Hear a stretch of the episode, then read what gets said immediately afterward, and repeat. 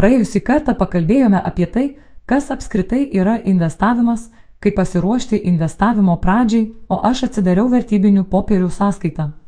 Taip pat, kaip patarė mano eksperimento kolega Tautvidas, dėl didesnio patogumo atsidariau ir atskirą einamąją sąskaitą, kurioje esantys pinigai yra skirti tik investavimui ir šiam eksperimentui.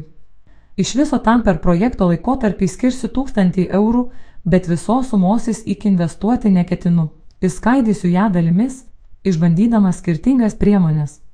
Aš, kaip pradedanti investuotoja, pirmiausiai dairausi investicinius fondus, juos man rinktis pradžioje patarė ir tautvidas.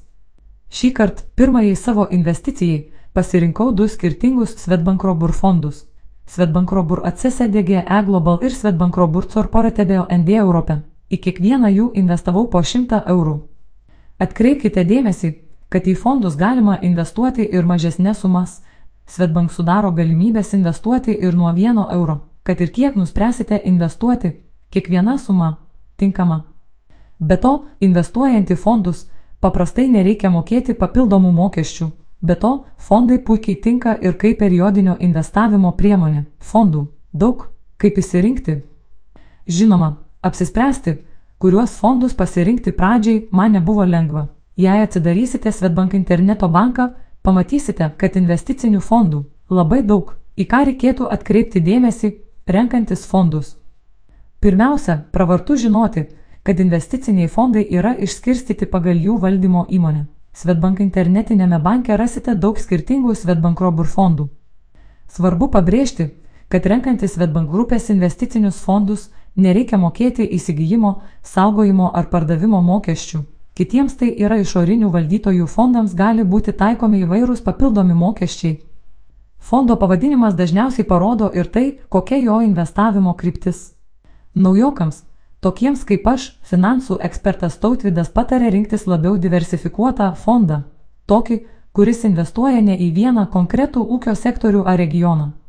Puikus to pavyzdys yra pirmasis mano pasirinkimas - Svetbankrobur ACSDG E Global. Tai akcijų fondas, kuris neapsiriboja konkrečių regionų, o investuoja į įvairių sektorių įmonės visame pasaulyje. Pasirinkę norimą fondą, perskaitykite jį lydinti informacinį dokumentą. Tai padaryti yra privaloma. Skirkite tam laiko ir ramiai pasidomėkite fondo investavimo kryptimis, kurios leis aiškiau suprasti, kur fondų valdytojas nukreipia investicijas. Rinkdamiesi fondus, prie jų matysite ir įvairių skaičių bei diagramų, pavyzdžiui, fondo vertės pokytis per tam tikrą laikotarpį. Trumpojo ir ilgojo laikotarpio graža ir PAM pradedantiesiems investuotojams labiausiai reikėtų atsižvelgti į konkretaus fondo rizikos skalę, kuris vyruoja nuo vieneto iki septynių. Kuo aukštesnis šis rodiklis, tuo potenciali investicijų rizika yra didesnė.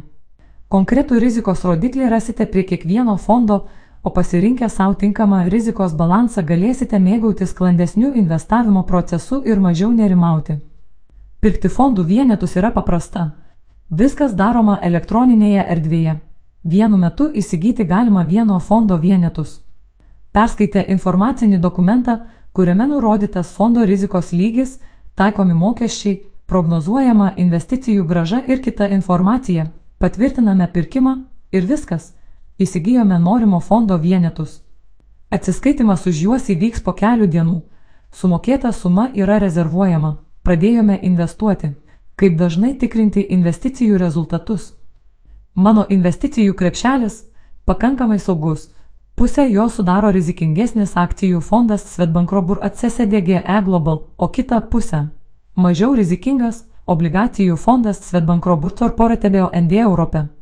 Žinoma, kiekvienas žmogus gali susiformuoti jam tinkamą krepšelį, kur didesnę dalį sudarytų rizikingesni aktyvai ir atvirkščiai.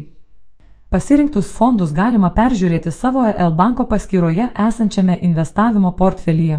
Informacija pateikiama per kelias dienas nuo įsigijimo. Ten matysite, kiek kurio fondo vienetų nupirkta už investuotą sumą, kokia vieno vieneto kaina ir kaip keičiasi investicijų į fondą suma.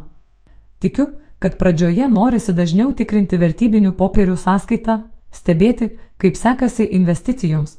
Tačiau svarbu nepamiršti, kad investavimas ilgalaikis procesas. Tad nereikia sufokusuoti viso dėmesio į trumpus kainų pokyčius. Daugiau apie portfelio stebėjimą ir kaip reaguoti į šiuos vyravimus su tautvidu pasikalbėsime kitą kartą.